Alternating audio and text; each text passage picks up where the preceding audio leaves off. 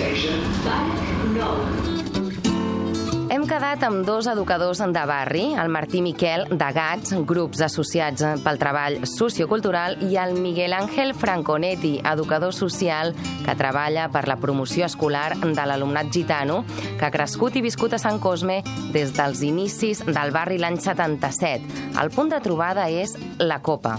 Què passa, que tothom queda a la Copa? Bueno, la copa és un nodo de referència, no? Si la veus així, ara perquè n'hi ha una miqueta d'arbres, no? La seva forma és, és una copa. Què és la copa? És un dipòsit d'aigua. Per mi és un símbol d'identificació absolut del barri de Sant Cosme, la copa, no? La copa s'ha convertit en el símbol d'algunes associacions del barri i avui hi penja un cartell de l'associació de veïns que està d'aniversari i el lema continua sent «Por un barrio mejor». El Miguel Ángel va viure l'època de les primeres manifestacions per les millores de Sant Cosme i porta dins l'ADN la reivindicació del seu barri i la lluita pel benestar dels veïns. Anem a trobar el Martí Miquel a la seu de Gats, que fa anys que treballen en millorar el barri. Ens explica com els veu la gent amb qui ens anem topant. Aquesta gent també ens, ens té identificats, en certa manera, com a agents positius, també. És a dir, som gent que aquí en el barri estem fent coses superinteressants, no?, del Festival Esperanza, que fem coses amb la comunitat de veïns, que els donem suport en aquelles coses que a ells sí fan falta, també. Llavors, pues, ens veuen aquí, ens veuen amb tu, i, bueno, pues esto, no? Eh, som, som mals que tenen a prop. Som l'administració més propera que tenen, los, los de primera línia de fuego. El Miguel Àngel comenta comenta que les reivindicacions de la gent de Sant Cosme són com les d'altres barris. Per exemple, el tema de la comunitat gitana, ja que parlem, un tema és l'ocupació i l'habitatge. Són molts de família, moltes vegades, i no n'hi ha no hi caben tots, sí, però és que tampoc no hi ha habitatge lliure per poder eh, accedir a les rentes que tenen o en els pocs ingressos que tenen per, eh, bueno, per, per comprar o per jugar o per... I d'altre, importantíssim són la, és la formació, és a dir, els referents positius que tenim a nivell formatiu a nivell de comunitat gitana que poden participar en segons quins processos que pues, estan col·locats i després els que estan col·locats o bé en, la, en associacions o, o, o administració, però ja està. O sigui, aquí s'ha acabat tot, no? No hi ha com a una mena de de taula de neu que vagi contaminant i que els nois i les noies puguin sortir i puguin veure per dir-ho d'alguna manera, sí, un relleu. Continuem xerrant des de la plaça del barri, que tot i el nom que encara conserva, ha deixat de ser-ho després de vàries remodelacions que l'han acabat situant més a la perifèria. Des d'aquesta plaça els preguntem per què Sant Cosme està tan estereotipat. Bueno, jo crec que aquí la gent tira una mica d'història hemeroteca, no? Es basen als anys 80 i la gent està anclada en aquella època i no han tornat ni han trepitjat mai de la gent que és capaç de pensar o tenir una idea sobre Sant Cosme no han trepitjat mai, no han posat un, meu, un peu aquí, o sigui, el més a prop que han passat per aquí ha sigut per anar a l'aeroport. Bueno, als anys 80, com a tot arreu, doncs l'heroïna va fer molt de dany. Sant Cosme era un dels punts calents de l'heroïna. Aquí l'heroïna se'n va endur moltes persones per davant, molts joves i moltes joves que, que amb l'heroïna van, van deixar aquest món. I, i a Sant Cosme això va ser un punt molt, molt, molt calent, fins i tot un dels punts en què la gent del barri va sortir al carrer a demanar ajut a les autoritats.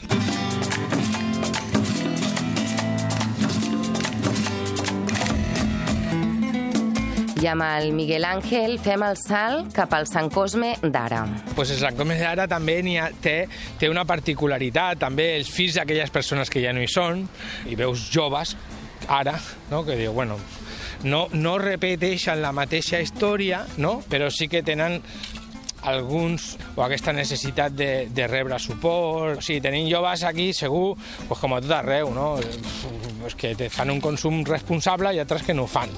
O altres que guanyen la vida eh, pintant parets o pintant pisos, no? I, sense, i altres que pues, han, han pogut aconseguir muntar la seva empresa. Mentre passegem, el Miguel Ángel ens proposa mirar els estenedors perquè puguem intuir la quantitat de gent que viu en un sol habitatge, la gran majoria de protecció oficial. Són els pisos són collonuts, però què passa? Eh, N'hi ha l'última zona de remodelació on es concentra molta més gent, són 149 habitatges, no? La població gitana aquí viu, mm, podien dir, no, un, un, un percentatge important, no vull dir percentatges, no? I l'altra viuria a les 149 habitatges que n'hi ha al final d'aquest carrer, no? Què passa? Eh, pues que n'hi ha, a lo millor, pare i mare amb els seus dos fills o tres fills, que aquests dos fills a lo millor ja estan emancipats i tenen dos o tres nets. Són diverses unitats familiars en un nucli familiar. Llavors- Llavors això és complicat. Clar, potser tenen 10 persones en un mateix pis.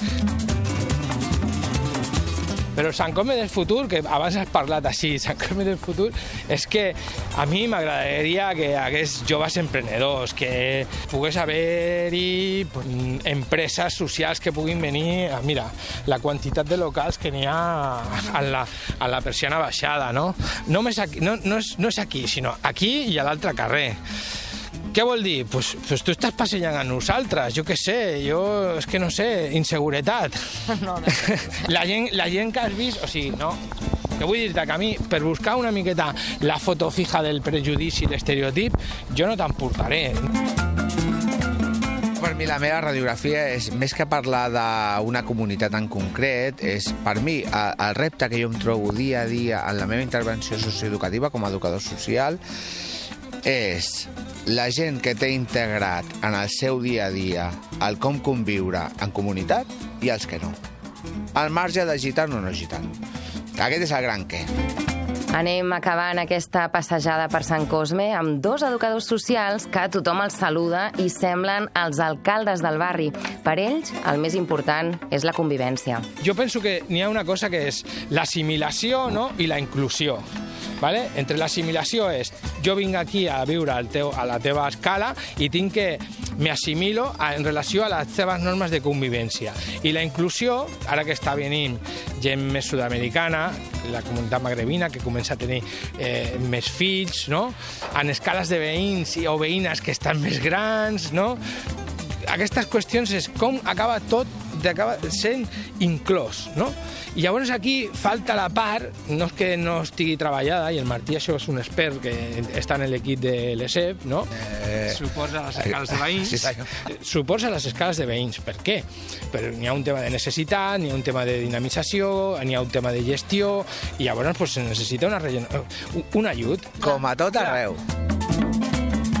El tema del mosquit, el tema de les febres, el tema de les aigües, el tema de les, de les rates, el tema de les escombraries, el tema de les escoles, el tema de la droga, el tema de la feina, el tema dels pisos... El tema, o sigui, és contínuament una lluita any rere any de buscar com sortir i, i com a l'ave fènix m'enfonso i torno a sortir, i m'enfonso i torno a sortir, i això no és que siguin heroïnes, no?, les mares aquestes...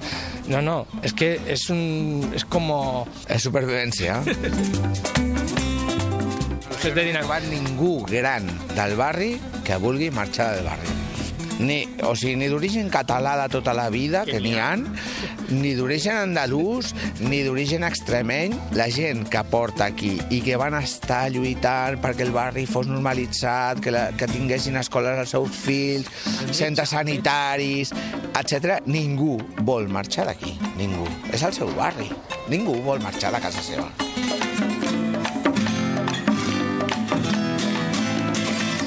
I acomiadem la passejada per Sant Cosme amb una fotografia, evidentment, a la Copa, al costat del Parc Nou del Prat del Llobregat, on es celebren festivals culturals com l'Esperanza o els Sopes del Món. I donem les gràcies a l'Ivan per ser el nostre fotògraf de la passejada.